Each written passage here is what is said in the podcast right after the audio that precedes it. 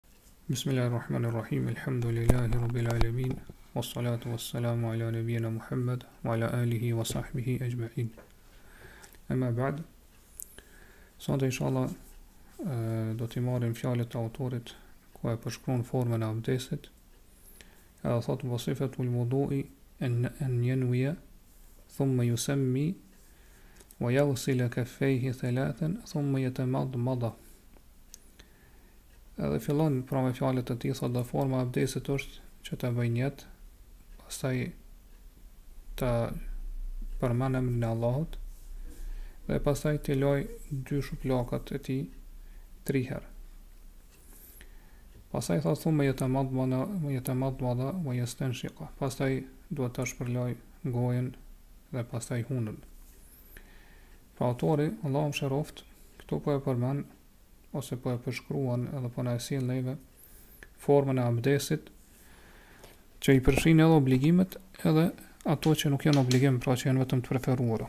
Edhe disa, edhe pse disa, edhe pse dis, për disa prej tyre kemi fol, pra në derset e kaluara rreth obligimeve dhe suneteve, gjithashtu detajeve që kanë të bëjnë e kështu me radhë. Mirëpo kjo është vetëm një përshkrim i formës së përgjithshme.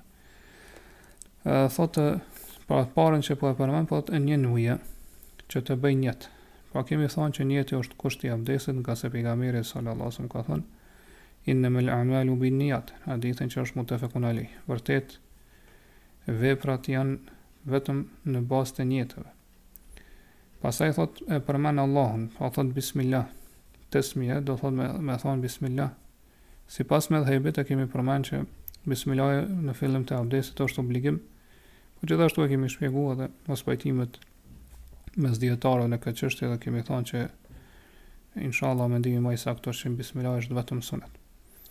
Pastaj thotë i lanë shuplakat e duarve tri herë.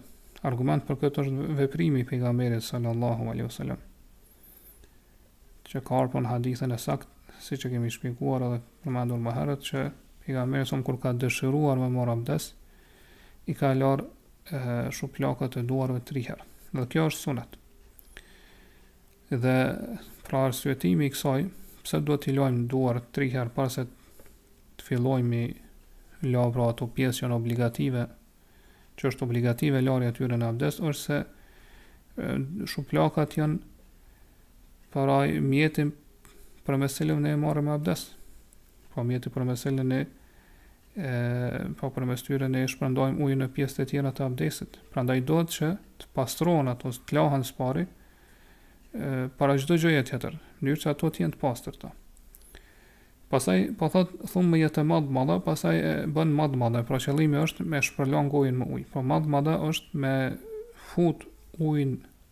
në gojë, pastaj me e nxjerrë jashtë.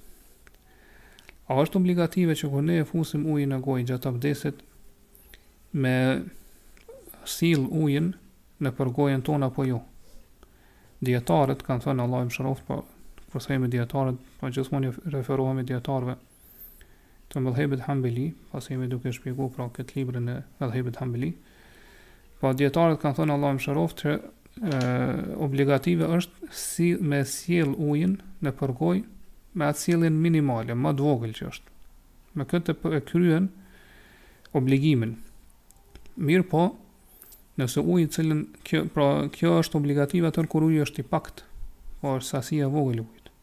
dhe nuk e mbush gojën plot. Por nëse uji është në sasi të madhe edhe kur e fut në gojë pra e mbush të gjithë gojën, atëherë këtu arrihet qëllimi edhe po nuk është obligative pra me e sill ujin nëpër gojë. E pastaj gjithashtu, e, domethënë, vjen në radhë pytja tjetër, a është obligim që kur e shpërlajmë gojën me i largu edhe ato pjesët e mbetura të bukës ose të ushqimit që kanë mbetur për nëpër dhëmbë po që të i futim gishtat, gishtin tonë ose gishtat tonë në, në gojë edhe përmes tyne pra me i largu edhe pjesët e mbetura të ushqimit mënyrë që uji me depërtu në, për, nëpërmjet dhëmbëve edhe në të gjithë gojën ajo që është e dukshme Pra si mendim ma i saktë është se nuk është, kjo nuk është obligative. Pyetja tjetër që mund të parashtrohet këtu është se a, ata të cilët i kanë vendosur dhëmb po proteza të proteza të dhëmbëve. A kanë obligim që kur të marrin abdes me i largu këto proteza të dhëmbëve? Po për faktin se ato mundën Pra me e pengu ujin që mos me depërtu, do të thotë në pjesën e brendshme të tyne ose nën to. Pra nëse protezat janë të atilla që e pengojnë ujin edhe nuk e lejojnë me depërtu mbrenda tyre ose nën to, a është obligative që me i heq ato para se me marrë abdes apo jo, ose para se me shpërla gojën. Edhe këtu, sipas shejh Uthejminit Allahu e mëshiroftë, mendimi që është Po ajo që duket se është më, më e saktë dhe më e qartë është se nuk, kjo nuk është obligative. Ngase kjo thotë i përngjan unazës. Dhe unaza nuk është obligim që të largohet kur të marrim abdes. Mirëpo, më së shumti që mund të themi, pra është që më parësore është me e lëviz unazën gjatë abdesit, pra që me depërtu uji edhe në, në, në, në, në atë pjesën nën unazë. Mirëpo thotë kjo nuk është obligative. Po lëvizja e unazës në këtë rast nuk bëhet obligative, po themi që është më parësore. Pse nuk është obligative ngase Pejgamberi sallallahu alejhi ve sellem siç ka ardhur në hadithin që e transmeton e transmetojnë vërtet Buhariu dhe Muslimi ka pasur një unazë pra ka vendosur në gishtin e tij një unazë të argjendit Mirëpo, nuk kurrë nuk është transmetuar që Pejgamberi sallallahu alejhi ve sellem e ka lëvizë unazën gjatë abdesit, në mënyrë që me depërtu uji pra në atë pjesën nën unazë. Dhe unaza e tregon ose e pengon arritjen e ujit në, në këtë pjesë të dorës ose të gishtit, apo në këtë pjesë që duhet me, me depërtu uji, pra e, e pengon arritjen e ujit më shumë se sa dhëmbët ose proteza e dhëmbëve. Prandaj, përderisa unaza nuk është transmitu që për nëse ka larguar unazën, po kjo gjë nuk është transmetuar për unazën, atëherë themi që gjithashtu nuk është obligative që me larguar protezën e dhëmbëve, sidomos në rastet kur Dikujt i vjen vështirësi, po ka vështirësi të madhe që me i largu këto proteza të dhëmbëve. Po disa njerëz që kanë vështirësi të madhe. Dhe pastaj autori po thotë ve jestenshiku. Ve jestenshiku edhe duhet me shpërla hunën, pra me fut ujin në hunë. Çka do, çka është istinshak? Pra me me fut ujin në në hunë. Kjo është me tërheq ujin përmes frymëmarrjes brenda hundës. Dhe këtu autori, do thonë, nuk e ka shpjegu vërtet edhe Shejh Uthejmini nuk e ka përmend këtu që do thonë madmada, istin, edhe istinshak. Pra shpërlarja e gojës edhe hunës bëhet me një grusht ujë.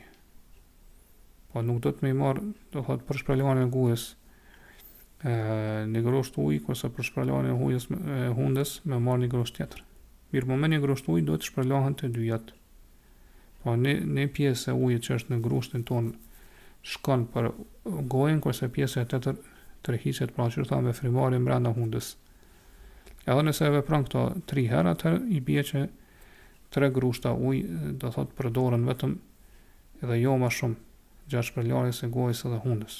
Ngase kështu është transmetu prej Pejgamberit sa, sa, në të gjitha hadithet, po siç ka ardhë po thumme temadmada vestenshaka thelathen, Pejgamberi sa, sa, pastaj ka shpërla gojën edhe hundën tri herë, po vetëm tri herë me tri grushta ujë.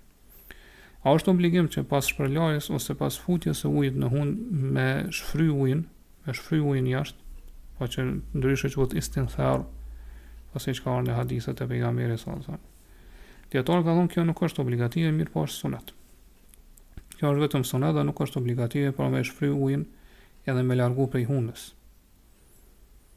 Dhe ka ardh në hadithet e pejgamberit sallallahu alajhi wasallam që ai kët pra madmadën edhe istinshak shpërlarjen e gojës e hunës e ka bën me dorë të djathtë, kurse istintharin pra e ka bën me me dorë të majtë. Ngase e ka llogarit që kjo është pra shpërlarje e hunës, pra largimi i atyne papastërtive që është në hunë. Dhe nuk ka dyshim që me pastru hunën, ose pastrimi hunës nuk, nuk është i plotë, veçse duke e shfry hunën pasi që e kemi tërhequr ujin përmes pra frymarrjes, pasi që kemi bërë istinshak, atëherë për me kanë i plotë pastrimi i hunës duhet me bo edhe istinthar, pra me shfry ujin me nxjerr jashtë. Në mënyrë që mu largu të gjitha ato papastërti që janë brenda hunës. A duhet që ta teprojë pra në shpërlarjen e gojës edhe hunës,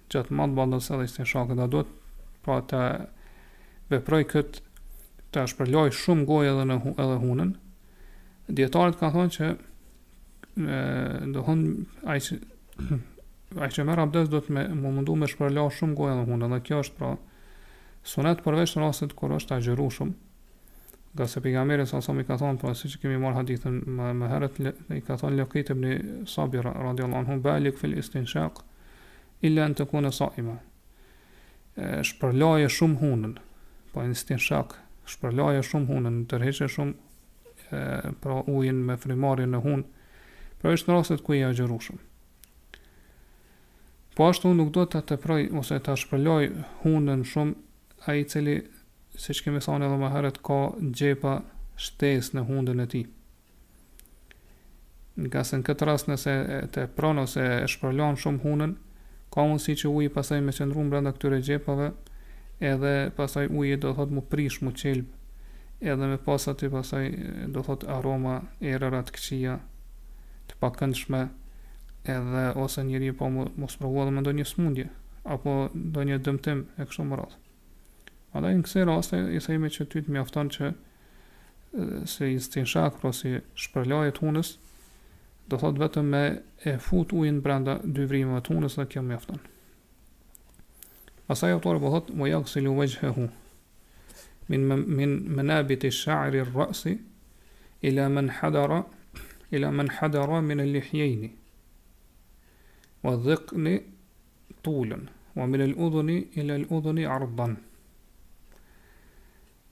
Thotë pastaj ose dhëkni, do të thonë dy lexime janë. Pastaj thotë duhet me shpërlo me me la fytyrën, pastaj duhet me la fytyrën prej vendit ku dalin qimet e kokës deri në vendin ku lëshohen teposhtë, pra dy nofullat edhe e, mjekra. Po që quhet dhekën ose dhakën, edhe mjekra. Pra kjo është sa i përket gjatësisë së fytyrës. Ue min el udhuni il el udhuni ardhan edhe prej veshit në vesh sa i përket gjerësisë së fytyrës. Pra, qysh e kemi thonë më herët në gjuhën arabe fytyrë quhet, pra vexhh, quhet çdo gjë, gjithë ajo pjesë e fytyrës sonë me të cilën ne ballafaqohemi me tjerët. Edhe fytyra, pra është pjesa më e ndershme e njeriut. e trupit të njeriut. Dhe autori po thotë që fytyrën po nga sa i përket gjatësisë së fytyrës duhet me me la prej vendit ku dalin qimet e kokës, flokët pra. Prej vendit ku dalin flokët. Po qëllimi është prej vendit ku zakonisht dalin flokët. Për dallim prej atij që arabisht quhet Efra, që domethënë flokët e tij lëshohen deri mbi ball, pra ka flokë edhe në pjesë të ballit. Po kjo nuk hen kët ngase kjo domethënë flok flokët nuk kanë dalë në vendin e, e duhur ose në vendin e zakonshëm. Po gjithashtu domethënë piksoj ose piksoj pra bën përjashtim ai që është që arabisht quhet enza, pra tullaci. Atij që i kanë rënë flokët ose nuk ka fare flok në kokën e tij. Sidoqoftë, domethënë kur po thotë autori këtu që fytyra pra në Sa i përket gjatësisë, duhet të lahet prej vendit ku dalin flokët. Ky përkufizim që ka ka sjellë autori, domethënë kështu e kanë thënë edhe shumë dijetarë të tjerë, mirëpo. Disa dijetarë kanë thënë një përkufizim më të saktë. Kanë do kanë thënë pra duhet me me la fytyrën gjatë abdesit prej pjesës ku fillon të përkulet balli. Prej pjesës ku fillon të përkulet balli. Kjo është më e saktë, sesa me thonë prej pjesës ku fillojnë të dalin flokë, ngase kjo pjesa që fillon balli të përkulet, pra të lëshohet teposhtë, kjo është ajo pjesë me të cilën ti ballafaqohesh me njerëzit. Ky definicion që thamë është më i mirë dhe më më i saktë. Pra prej këtu fillon edhe pastaj domethënë deri te pjesa që lëshohet teposhtë, pra prej nofullave dhe e, mjekrës. E dhëkën ose dhëkën në gjuhën arabe është vendi, pra mjekra vendi ku takohen dy nofullat. Edhe lehjan që autori këtu, që ka po thotë men hadara min al-lahjeni, min al-lahjeni, Ellehje, Ellehjan janë dy nofullat, pra dy ashtat, a dy kosk, dy koskat, pra që janë në ftyrën e njeriut, ku domethënë bito, do, pi, prej tyre dalin dhëmbët edhe dhëmballët. Dhe ke kjo pjesë pra duhet të lahet gjatë abdesit. Pra pjesa që lëshohet ballit, pastaj pjesat e poshtë, duke lëshuar teposhtë pjesa domthon e nofullave deri ku takohen dy nofullat. Ngase me këta pra njeriu ballafaqohet me të tjerë. Dhe këto gjithashtu përfshijnë edhe qimet e mjekrës që dalin. Po mbi mbi nofulla edhe te mjekra. Dhe gjithashtu domthon përfshihen edhe qimet që lëshohen pastaj që janë të gjata që dalin mbi nofulla dhe te mjekra ose mbi mjekra. Ka se me gjithë këtë, me këtë, me këto qime të mjekrës, pra njeriu ballafaqohet me tjerët. Prandaj shpërlarja ose larja e tyre është obligim. Sipas mendimit më të saktë që kemi përmend më herët. Mirëpo disa dijetarë kanë thonë, ato qime të mjekrës që e kalojnë kufirin e asaj që është obligative me e la në abdest, nuk është obligim që të lahen ato. Për qimet e mjekrës lëshohen teposhtë që e kalojnë kufirin e ftyrës, pra sa i përket gjatësisë, thoi nuk është obligim me la, me la këto qimet e gjata të mjekrës. Ngase Allah subhanahu taala ka thonë lani fytyrat e juaja, fagsilu wujuhakum, lani fytyrat e juaja. Pra, që është në surën Maide. Lani fytyrat e juaja.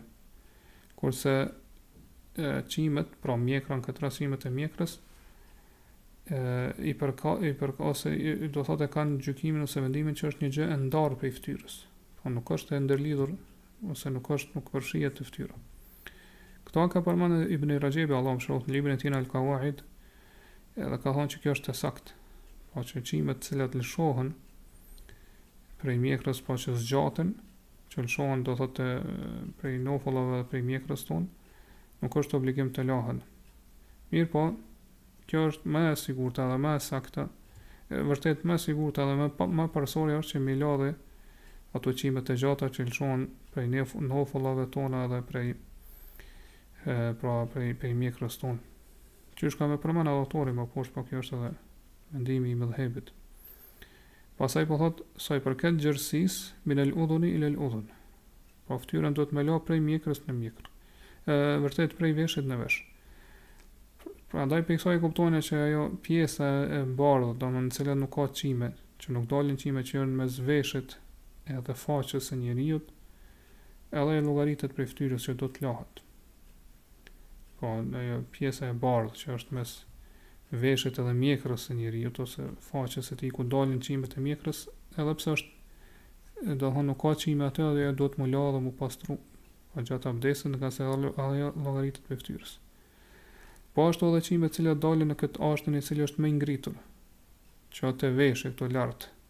Po në pjesën ku fillon ku fillojnë nofullat një një që është një asht më i ngritur, më i dalluar, edhe qimet që dalin aty duhet të lahen, ngase ato e,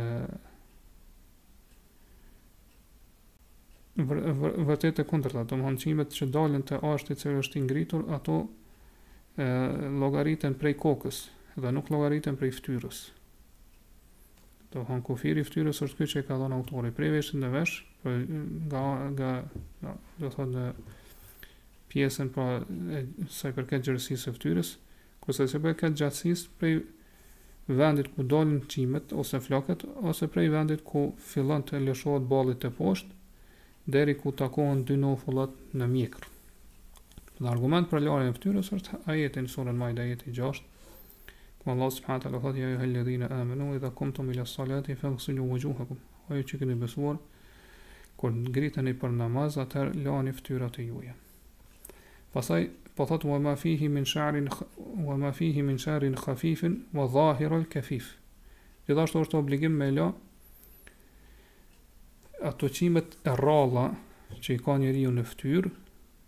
e kurse qimet e dendura duhet me la vetëm pjesën e, e sipërfaqësore të tyre, pjesën e jashtme.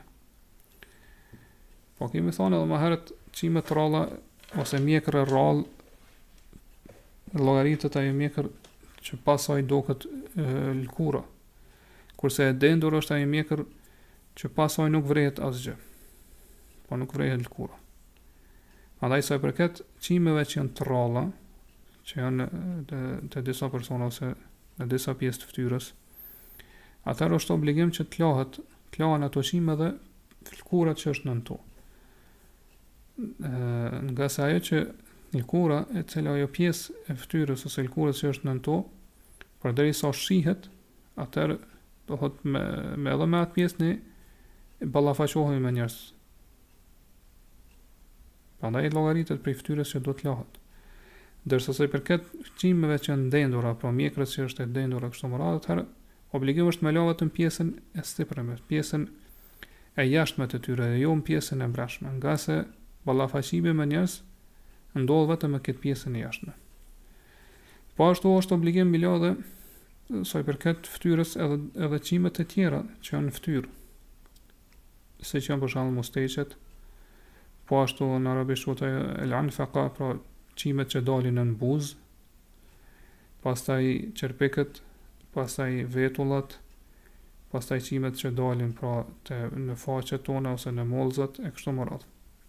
Ndërsa sa i përket mjekrës e cila është e dendur, kemi thonë edhe më herët kur kemi, kemi folë për sunetet e abdesit që është sunet edhe pse domethonë obligim është me la pjesën e, e sipërfaqësore ose pjesën e jashtme të saj, por është sunet që pjesën e brendshme me bë tahlil, pra me marr me me gishta të lagur, pra me në formë të krahët, krah, krah, krahët, krahnit, domethonë me i fut mbrenda mjekrës, edhe me la dhe pjesën e brendshme të mjekrës.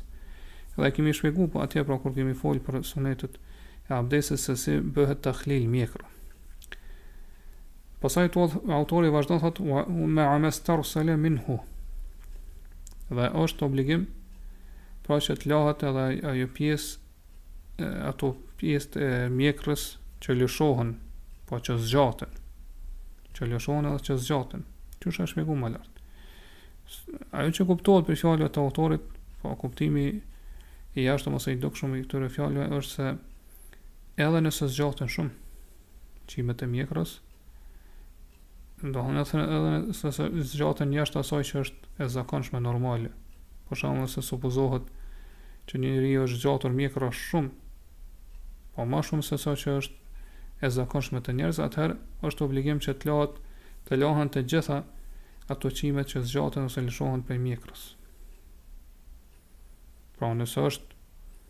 e e rrallë, pra nëse është e rrallë mjekër, nuk është e shpeshë e dendur, do të me la, është obligim me e la atë pjesë edhe brendësinë e saj. Nëse është e dendur, pra vetëm pjesën e e jashtme të saj.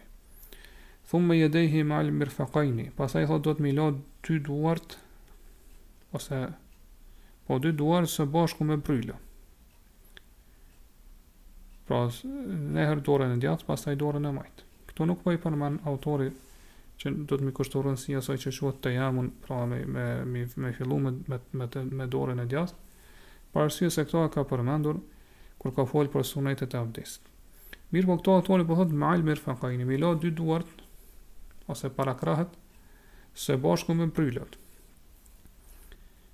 Kjo formë e shprehjes së autorit, po këtë formë që është shprehur autori e kundërshton kuptimin e dukshëm më të jashtëm të ajetit. Allah subhanahu wa taala thot në surën Maide në ajetin e 6 kur kur na urdhnon me marr abdes thot wa aydiyakum ila al-marafiq. Edhe lani duart e juaja deri deri te brylat. e kundërshton, për arsye se ajo që është e njohur te dijetarët e gjuhës arabe, edhe dijetarët përgjithësi, që fillimi i një skaji e përfshihet brenda asaj që përfshihet brenda asaj që u përmendur para këtij skaji. Mirëpo nuk për, nuk përfshihet fundi i atij skaji. Për shembull, Nëse i thua një njeri ty të takon prej këtu deri këtu. Për shembull, takon një pjesë e tokës prej këtu deri këtu. Atëherë ato që e ke përshkruar në fjalët e tua prej këtu, përfshihen brenda asaj që i takon atij. Po atij i takon ajo. Mirpo kur thu ndërsa pjesa që thu deri këtu, pra ajo pjesa që është deri atë që po përfshihet ose po vjen pas asaj që është deri këtu, Kjo nuk i takon atij dhe nuk e përfshin pra këtë fjalën tënde që po kur po i thu atij ty të takon ajo. Prandaj ajo që kuptohet pra dukshëm prej ajetit është se brylat nuk përfshihen në abdes, në larjen në larjen e duarve gjatë abdesit. Mirë po, këta djetarë kanë thënë se Kuptimi i fjalës që ka ardh në ajet i pjesëzës ila al marafiq e lani duar deri në bryla e ka për kuptimin me me bryla ka se në gjuhën arabe këto pjesëzat gjithmonë kanë edhe kuptime tjera jo vetëm kuptimin e parë që është i njohur po përfshin edhe kuptime tjera varësisht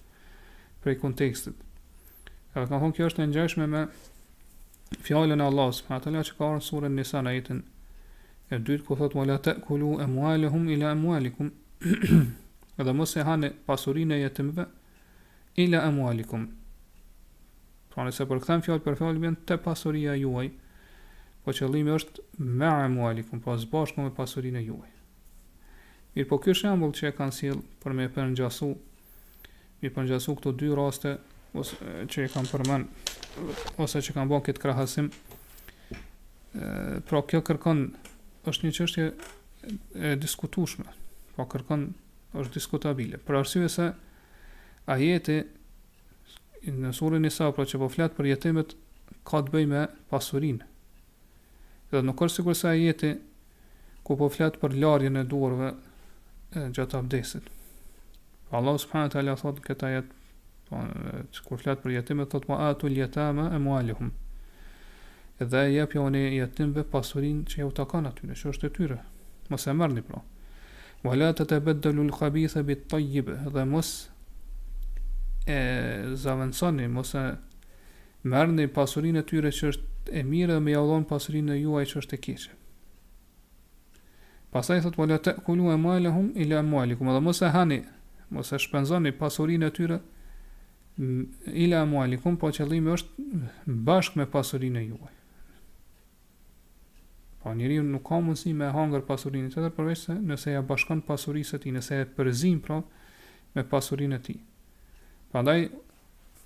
fjala Allah subhanahu wa taala ta kulu wa mos e hani pasurinë e tyre ila amwalikum pra qëllimi është mos e bashk mos e bashkoni mos e bashkangjitni pasurinë e tyre pasurisë së juaj që pastaj të gjithën me shpenzu së bashku kurse ajeti kur që po flet për abdesin nuk e ka këtë kuptim ose domethënë siç ka këtu në ajetin e në jetimve pra në ajetin surën Nisa.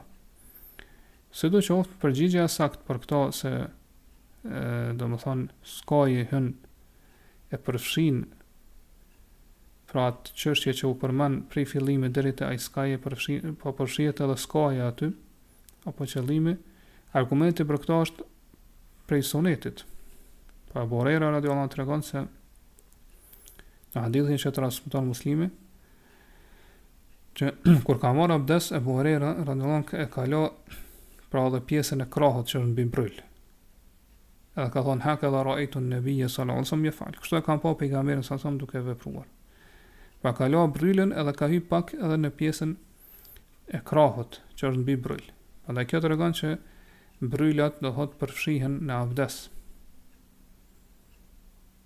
Pra, brylat përfshihen abdes. Po ashtu është transmetuar që pejgamberi salallahu kur ka marr abdes e ka e, sjellur ujin edhe pra dorën është fjala, shuplakën e dorës që është ka qenë e lagur edhe mbi dy brylat e tij, mirëpo ky hadith transmetohet te Darakutni dhe te Bejhekiu, po është hadith daif, siç kanë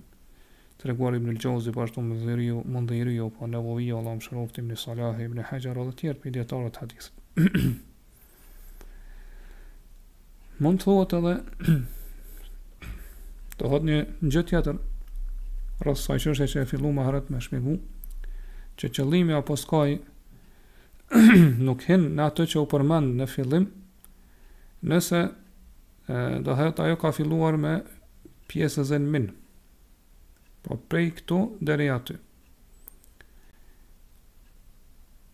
Mirëpo, nëse nuk përmendet pjesëza min, atëherë përfshihet. Siç ka ardh në ajet. Wa ejdijekum ilel marafik, edhe lani duart e juaja deri në bryla. Pra nuk, nuk ka ardh prej këtu deri aty, mirëpo deri në bryla.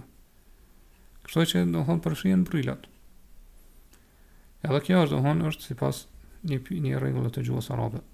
Për këtë arsye nëse dikush pyet a është më mirë që kur t'i lajmë duart me fillu prej brylit pa po, me, me fillu larjen e duarve prej brylit, pasaj duke shku teposhtë deri te majat e gishtrinjve apo me fillu prej gjysmës parakrahut, Apo me fillu prej majës së gishtrinjve dhe, dhe, dhe me la, domethënë deri te brylat. Përgjigja ndaj kësaj është se më e mira është që me fillu prej majëve të gishtrinjve. E pasaj me shku kah brylat ngase Allahu tha ilal marafik. Po lani duart e juve deri te brylat. Pra, Kjo edhe pse nuk është ai kuptimi më i qartë, më i dukshëm ose domethënë ky kuptim nuk është nuk duket shumë i qartë ose i dukshëm prej ajetit. Por është më e mirë dhe më e vlefshme. Ngase pse pse nuk është shumë i, domethënë, qartësia nuk është shumë e fortë në këtë rast, që me po qartësia e këtij mendimi nuk është shumë e fortë në këtë rast, po që me fillu prej gishtave deri te brylat, Ngase fillimi nuk u përmend. Pra Allahu nuk ka thonë prej gishtrinjve deri në bryla. Mirëpo patjetër që këtu u dasht me përmend deri ku? Ka thot, ila, ilal marafik deri te brylat. Mirëpo përderisa nuk u përmend fillimi, atëherë nuk është shumë e qartë, por themi që është më e mira siç ka thënë Sheikh Uthaymin. Mirëpo sikur mos të ish përmendur kjo Ilal Marafik, lani duart e juaja deri në bryla, atëherë do të kuptohej që ajo që është obligim me la është vetëm shuplaka e dorës. Është vetëm shuplaka e dorës. Për arsye se gjuha arabe, në gjuhën arabe, në arabe dora kur përmendet,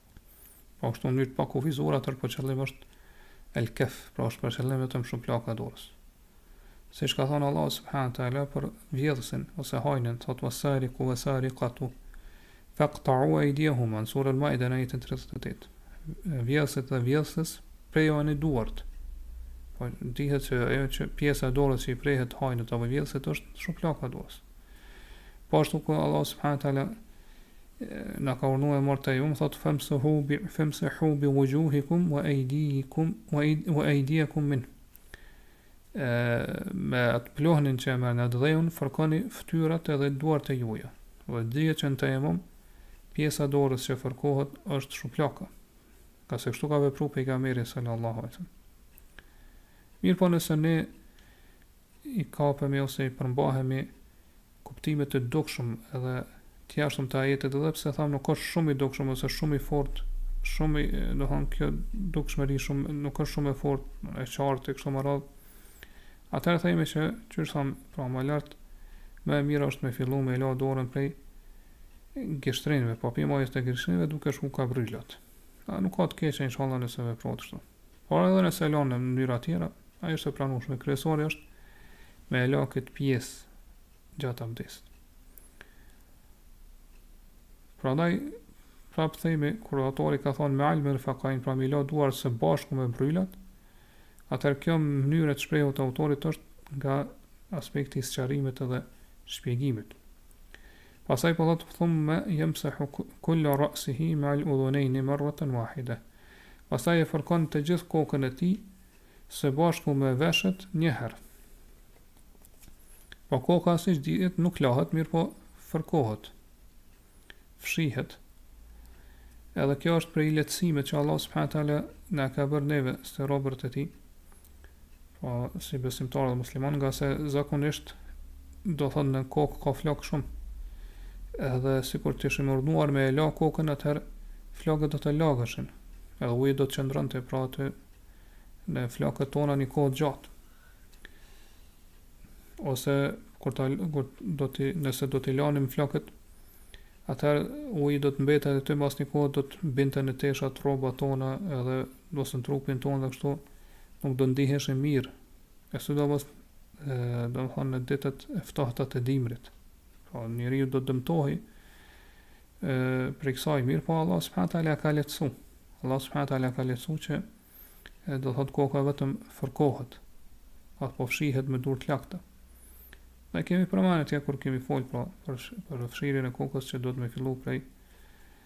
e, vendit ku dalin flokët apo pi vendit ku e, fillon të lëshohet e, pra e, balli, mirëpo tash në anën e kundërt, edhe me vazhdu deri në fund, pra ku dalin flokët në pjesën e prapme të kokës.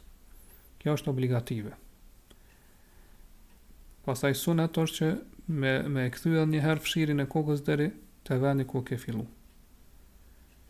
Edhe pse këtë nuk e përmend autori ose Shejhu Uthejmini, por po, do thonë ne po e shtojmë këtë si si formë e marrjes së abdesit. Autori po thotë meal udhunejn edhe kokën e fërkon së bashku me veshët. Pse së bashku me veshët? Ngase siç e kemi përmen më herët, pe hadithit të Abdullah ibn Zejdit, kështu kjo është saktësuar, është vërtetuar pej pejgamberit, salallahu alejhi ue selem, që kur do thotë e ka fërku kokën, atëherë e ka fërku së bashku me të edhe veshët. Edhe për shkak se veshët janë prej kokës, siç ka në hadithin e pejgamberit, salallahu alejhi ue selem tjetër, për të cilin kemi folë më herët e kemi thonë që dijetarët kanë mospajtime a është i saktë apo jo. Çështja e tretë pse duhet të fërkohen veshët është se siç e dimë veshët janë organe përmes të cilëve ne dëgjojmë. Prandaj urtësia kërkon që edhe veshët të pastrohen, në mënyrë që njeriu të pastrohet prej atyre gjynaheve dhe mëkateve që do thotë e ka ngarku veten me to përmes dëgjimit, po përmes veshëve të tij.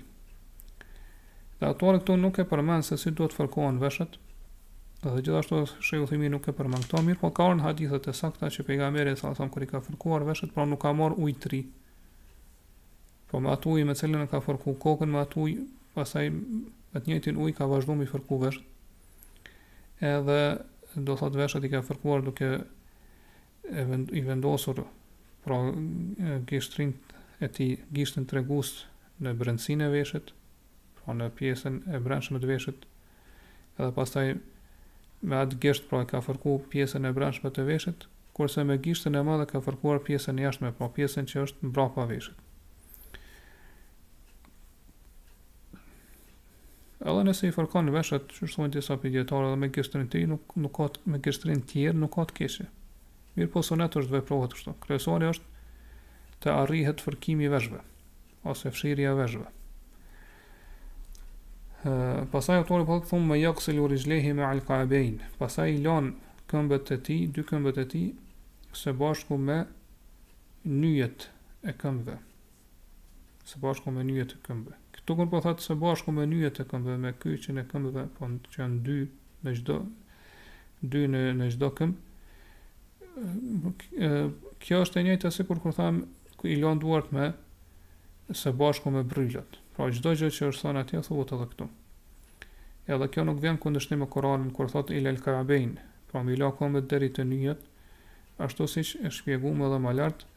Po gjithashtu me argument prej sunetit, që Pejgamberi sallallahu alaihi wasallam po i ka la edhe nyjet e këmbëve.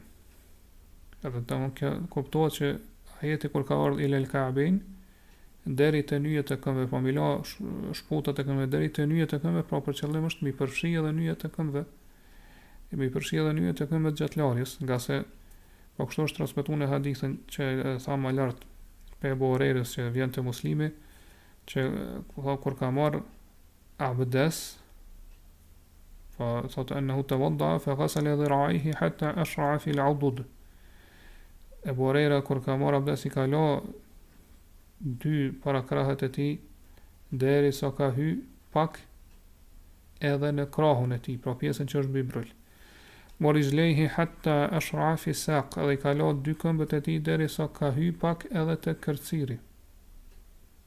Po i ka la pak edhe pjesën e kërcinve, po që është mbi nyje.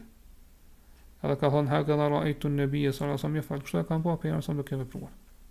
Prandaj, prej kësaj e kuptojmë që këto dy nyje të këmbëve, po nyjet e këmbëve ose kyçet e këmbëve llogariten ato që janë ato dy eshtrat që janë ngritur në dy anët e këmbës, edhe këto përfshihen në abdest, pra këto dy nyje të këmbëve që janë në fund të kërcirit, edhe këto do të përfshihen në larjen e këmbëve, pra është obligim që të lahen. Edhe për këto ka ixhma, ka konsensus mes ehlu sunetit. Ngase do thotë kështu ka ardhë në kështu ka ardhë pra në, në ajetin që e lexum lart. Pra Allah subhanahu wa taala në këtë ajet thotë: Ja ejjuhelladhina amanu idha kumtum ila salat Ila salati fagsilu wujuhakum wa aydiyakum ila al-marafiqi wamsahu bi ru'usikum wa arjulakum ila al-ka'bayn. O ju që keni besuar, kur dëshironi të falni namazin, lani fytyrat, e, lani fytyrat e juaja dhe duart e juaja deri në bryla, fërkoni kokat e juaja dhe këmbët e juaja deri në nyje.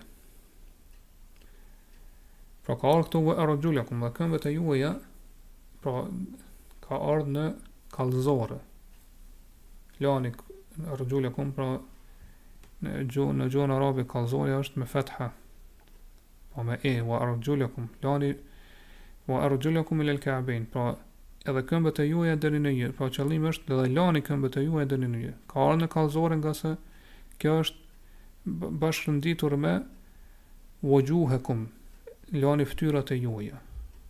Pra kuptohet që është obligim i la këmbët.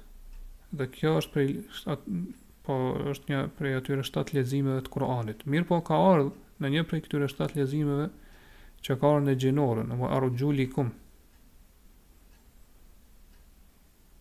Pra wamsahu bi ru'usikum fërkoni kokat e juaja, kjo është në gjinore për shkak të pjesëzës be bi ru'usikum. Pastaj ka thonë wa arjulikum Edhe këmbët e juaja deri në nyje. Po, mund të kuptohet, dikush mund me keqkuptua ajetin që për qëllim është dhe fërkoni këmbët e juaja deri në nyje, jo, jo lani. Mirëpo, si shpjegohet kjo, ky lexim që është pi leximeve, pi shtatë leximeve të sakta të Kur'anit që janë mutawatire që ka ardhur arxhulikum, dijetarët ia kanë dhënë këtu tri shpjegime. ose tri interpretime. E para është që kjo ka ardhur në gjinore për shkak të afërsisë. Pra një gjë kur vjen afër ose një fjalë kur vjen afër një fjale tjetër, mund ta merr pra atë rasën e asaj fjale për shkak të afërsisë së saj. Mirëpo nuk e merr dispozitën. Po mund të jetë, nëse ajo është në gjinore, mund të jetë edhe kjo në gjinore. Mirëpo nuk e, nuk e merr dispozitën e saj, ose kuptimin e saj. Pra, ajo që ka ardhë, afër kësaj fjale, që siç e pamë është fjala ruusikum, ruusikum, ka ardhë në gjinore. Prandaj edhe kjo është bërë në, në gjinore për shkak të fqinjësisë së saj, për shkak afërsisë me të, ngjitjes me të. Edhe arabët e kanë edhe një fjalë, ka ka shembuj shumë në gjuhën arabe për këto, pi tyne është për shembull ku thonë hadha juhru dabbin kharibin. Kjo është një vrimë e hardhucës e ngushtë, po vërtet e rrënuar. Vrima e hardhucës, dab është ajo hardhuca e, e shkretirës. Vrima, kjo është vrima e hardhu, kjo është vrima e hardhucës e rrënuar. Realisht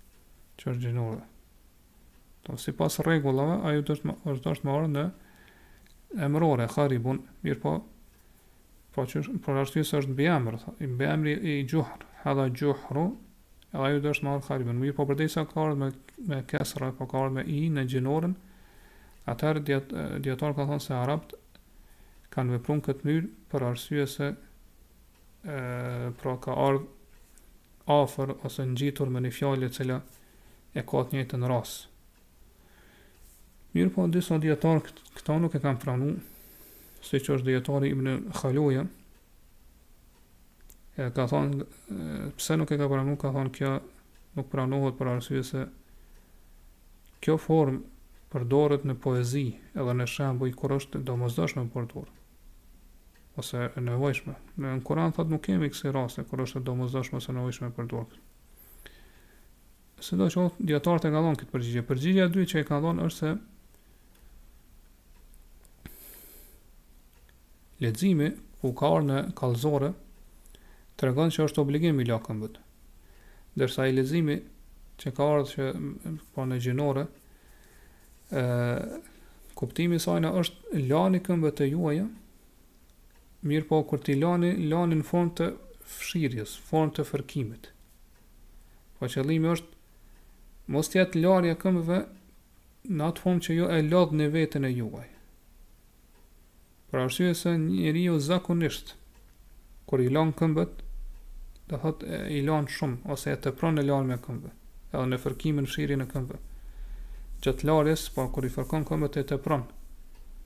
Ngase këmbët janë ato të cilat preken direkt me papastërtitë kur njeriu ecë nëpër tokë. Prandaj zakoni i, i njerëzve kërkon që do thot me i la më shumë këmbët se sa pjesë të tjera. Prandaj Allah subhanahu wa taala ka sjell këto në formë të, e, pra në gjinore. Pra ka ardhur në në gjinore dhe qëllimi i kësajnë është do thot ajo me kundërshtu atë zakonin që është te njerëzit, pra që e teprojnë në larjen e këmbëve.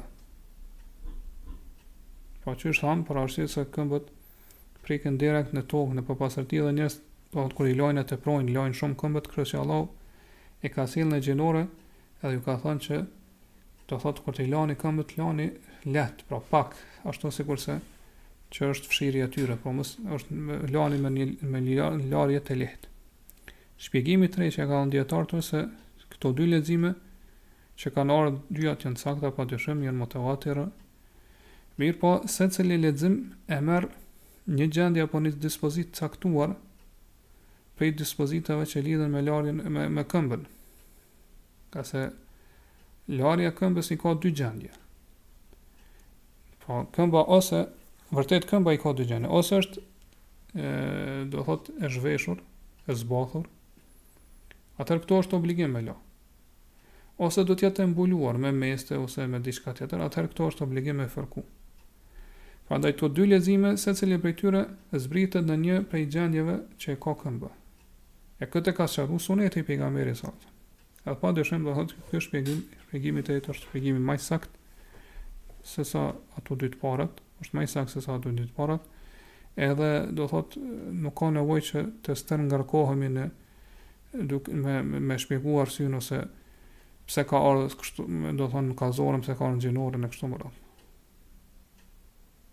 Pra dhe ky, ky shpjegim do thot ec së bashku me parimet e fesë, po gjithashtu së bashku edhe me ec pra sipas asaj që është e njohur prej librit Allahut, që zakonisht kur vinë këtu, kur vinë kësi raste, po kur kemi dy lexime ose ma shumë atër secili lexim, do thot interpretohet ose shpjegohet, vendoset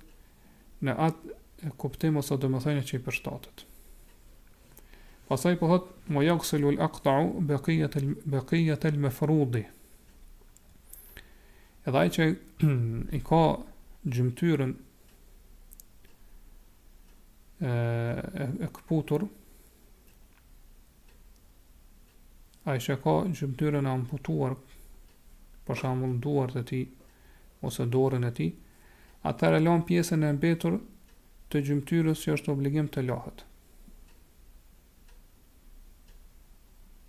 Po është obligim ta laj pjesën e mbetur të gjymtyrës që është obligim të lahet.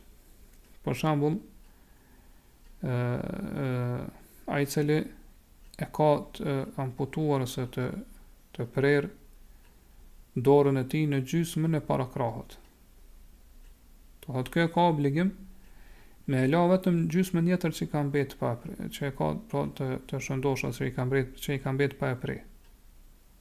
Edhe nuk duhet me shtu më shumë se kaq, se sa që e ka farz me la, prej kësaj pjesës të amputuar. Andaj nëse ka për shembull dorën e këputur në gjysmën e parakrahut ose të amputuar, atëherë nuk duhet që ky për me plotësu larjen e gjysmës tjetër që nuk e ka me vazhdu edhe me la, domethënë deri në gjysmën e krahut të tij. Ngase krahu, po pjesa që është mbi bryl nuk është pjesë ose vend që lahet. Mirëpo pra duhet me la vetëm atë pjesën që ka mbetur pej prej pjesës së amputuar që është farz të lahet. Ngase Allahu subhanahu wa ta'ala thotë, Fattakullahe mestata'tum, Sure Taghabun, ajeti gjashtëmbëdhjetë, Dhe keni frikë Allahun aq sa keni mundësi. Edhe ky njeri pra ka frikë Allahun aq sipas mundësisë edhe nuk ka mundësi me la më shumë se kaq. Po ashtu pejgamberi sa sa ka thënë idha emertukum bi emrin fa'tu minhu mastata'tum. Kur t'ju urdhnoj me ndonjë urdhër atëherë veproni atë sa keni mundësi.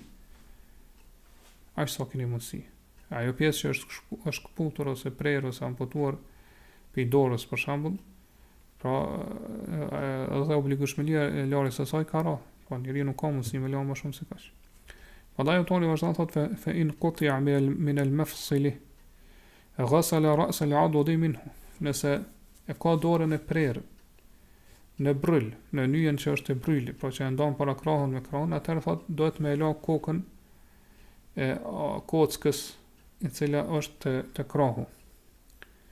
Pra nëse është e amputuar pre dora te bryli aty, atër duhet me la atë kokën e ashtit që është kokë, domethënë kocka e, e, e, e krahut. Ngase ko, koka e, e krahut llogaritet që është prej brylit. Po, njëjt, do të thonë njëjt, do të thonë është llogaritet që është prej brylit, prandaj duhet të lahet ai.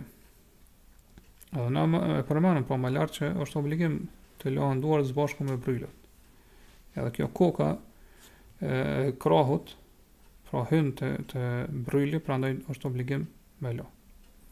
E nëse njeriu e ka dorën e këputur mbi bryl ose mbi këtë nyjën e krahut, atëherë nuk ka obligim me la kurgjë. Ngjashëm thuhet edhe për këmbën, nëse njeriu pra ka të prerë një pjesë të shputës së tij, duhet me la pjesën tjetër, pra ka obligim me la pjesën tjetër që ka mbetë. Mirëpo nëse e ka të të prerë ose të amputuar te nyja aty që është te nyja pra që është te në fund të kërcirit atëherë duhet me la pjesën e, e fundit të kërcirit se ajo llogaritet që është prej nyjës llogaritet që është prej nyjës ngjashëm është edhe sa i përket për shembull veshit Nëse është e prerë në, nëse e ka atë njeriu të prerë ose nuk e nuk e nuk e ka pra një, një pjesë të veshit, atëherë e, e fërkon pjesën tjetër. E nëse e ka të prerë të krejt veshin, atëherë do të thotë nuk e ka obligim me la pjesën e jashtme të veshit, mirëpo e ka obligim me la pjesën e brendshme të veshit, kështu që e fut pra gishtin e tij tregus në pjesën e brendshme dhe e lan brendësin ose e fërkon vërtet brendësin e veshit.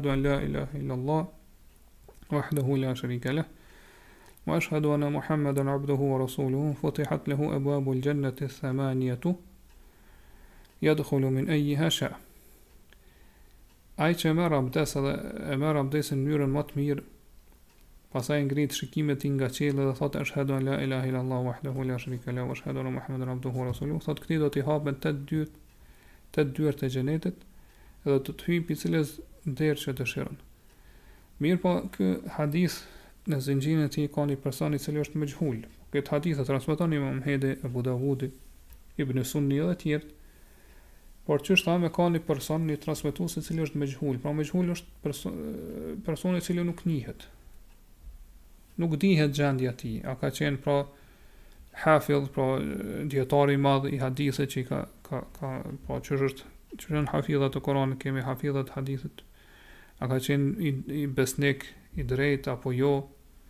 Dhe përderisa në zinxhirin e hadithit ka një, një njeri të këtillë, një person të këtillë, atëherë hadithi është i dobët. Prandaj dijetarët këtë dispozitë e kanë bazuar mbi këtë hadith. Pra kanë thonë është sunet me ngrit sytë apo shikimin nga qielli. Edhe sipas asaj që kanë arsyetu ata mendimin e tyre, kanë thonë se me ngrit shikimin nga qielli është shenjë që tregon për lartësinë e Allahut subhanehu teala, edhe për këtë arsye pra ti e ngrit pra shikimin nga qielli edhe je duke dëshmuar për teuhidin e njëshmërinë e Allahut subhanehu teala,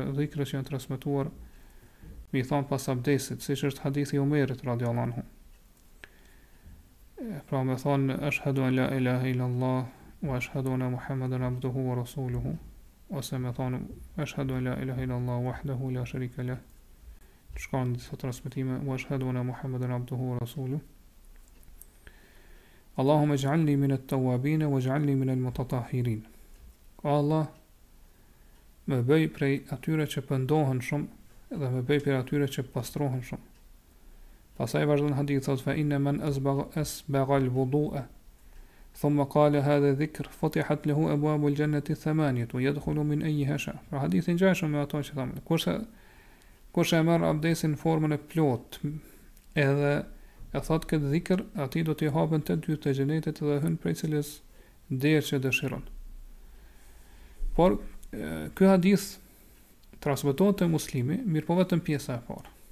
Vetëm pjesa e parë. Kurse kjo pjesa e dytë ku kemi këtë lutje, o Allah më bën prej atyre që pendohen shumë dhe prej atyre që pastrohen, kjo është transmetuar te Tirmidhiu dhe për këtë shtojcë ka mospajtim mes dijetarëve. Pra a është shtojcë e saktë apo jo. Po disa dijetarë e llogaritin që është i dobët. Kjo shtojca pra hadithi Nuk e shoh se siç thonë është e saktë. Allahu di më mirë. Sidoqoftë, do thotë Sheh Uthemini thotë që ky dhikr është i përshtatshëm me thonë në në këtë vend pas abdesit. Ngase abdesi, po siç e dimë, është pastrim për trupin. Kurse ky dhikr është pastrim për zemrën. Ngase këtë dhikr do thonë ti po e bën ë po tregon atë ihlasin, sinqeritetin për Allahun. Edhe gjithashtu po dëshmon për njëshmërinë e Allahut. Edhe po ashtu në këtë, në këtë hadith, pra së bashku me shtojësën kemi bashkim mes kërkesës drejtuar Allah subhanahu taala që me na bërë prej atyre që pendohen shumë. Po qëllimi është që pendohen shumë, pra që i, i, i pastrojnë zemrat e tyre prej mëkateve. Dhe prej atyre që janë mutetahirin që pastrohen, pra qëllimi është që pastrohen fizikisht. Disa dijetarë kanë thënë që ky dhikr është i ligjshëm të thuhet edhe pas guslit dhe tejemumit. Ngase thonë gusli e përfshin edhe abdesin. Po kemi, kur marrim gusl, marrim abdes, edhe kemi shtesë. Edhe dihet prej formave të guslit që është sunet, është me marrë abdes para tij.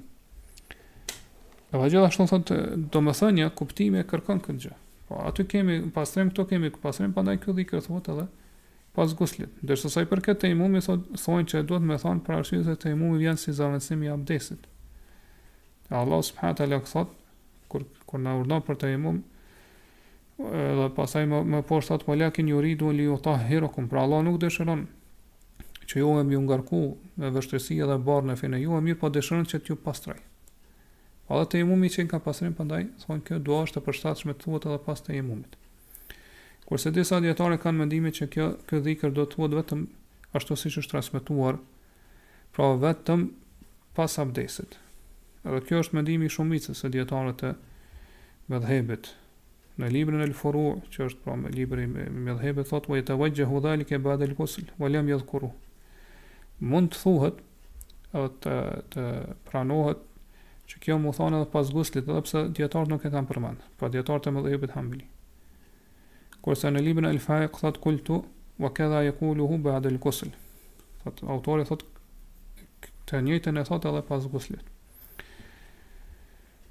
Ë Mirëpo ky mendim që thotë se do të këtë dhikër po të, kuf, të, të kufizohemi dhe ta themi vetëm abdi, pas abdesit është më i saktë.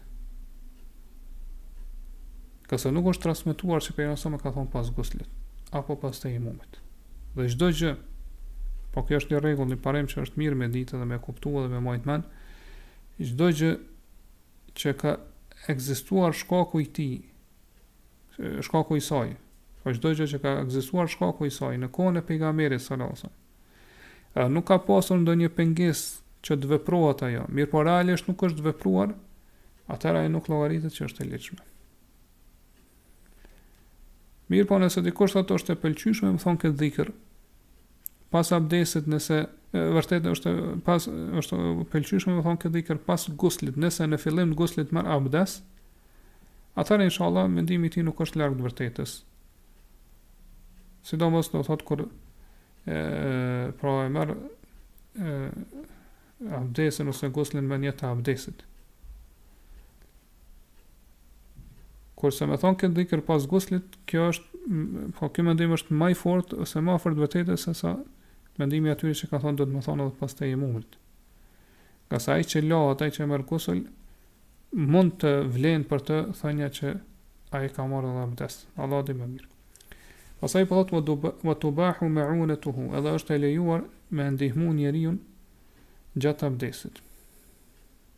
Po ai që u duke marr abdes është leju është e lejuar mubah po që me i ndihmu. Po mi afro mi mi afro ujin pastaj mi hedh ujë do thot mbi gjymtyrë të tij kur është duke marr abdes. Edhe sa i përket lejushmërisë së kësaj gjëje nuk ka nevojë për argument, ngase kjo është në origjinë, në parim. Po që gjërat janë të lejuara. Edhe për, mirëpo, për këto kemi edhe argument, siç ka ardh te Muslimi,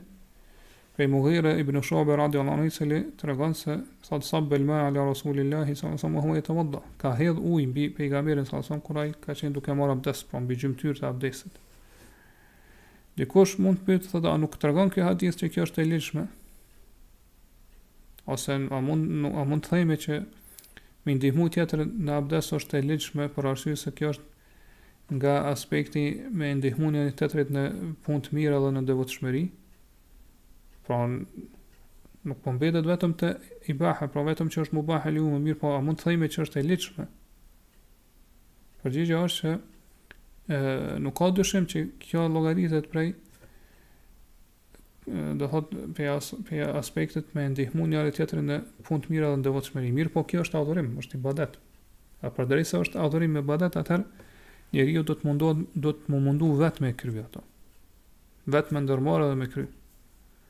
Edhe nuk është transmetuar prej pejgamberit sa sa që sa herë ka marrë abdes, e ka ftu dikon edhe ka thirr ose ka kërku prej dikujt që me i ndihmu.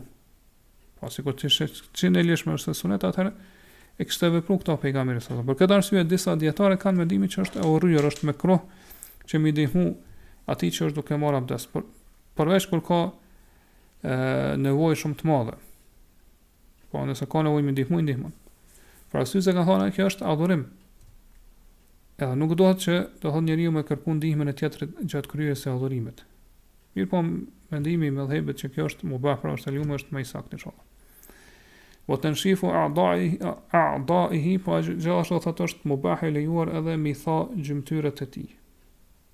po pas abdesit. Argument për këto është se nuk kemi argument që e ndalon këtë gjë. Po pra, përderisa nuk ka argument atëherë qysh thamë lart parimi është që gjërat mbesin në në esencë, në origjinë mbesin në lejushmërinë e tyre.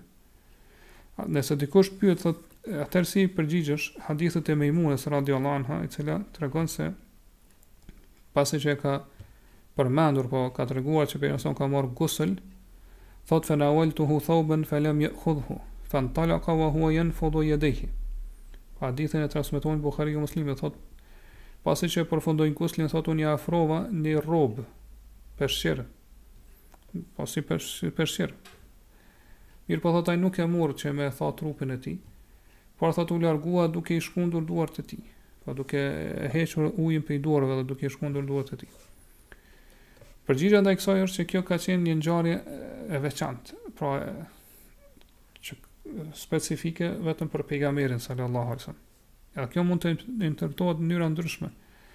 Po shkaku pse nuk e ka marrë pejgamberi sallallahu alaihi wasallam pra atë mindilin apo rrobën që me u fshi Edhe mi tha pra trupin, është për shkak të vetë asaj rrobe, ndoshta ka qenë e papastër, ose do thonë është friksuar pejgamberi që ajo pastaj mund të laget shumë, edhe do thotë la, lagja asaj me ujë, pra nuk, nuk do të ishte e përshtatshme ose e duhur, e kështu me radhë do thotë interpretime tjera. Madje, ky argument mund të, të thonë argumentime me të mund të kthehet në kundër të atyre që e kanë sjellë,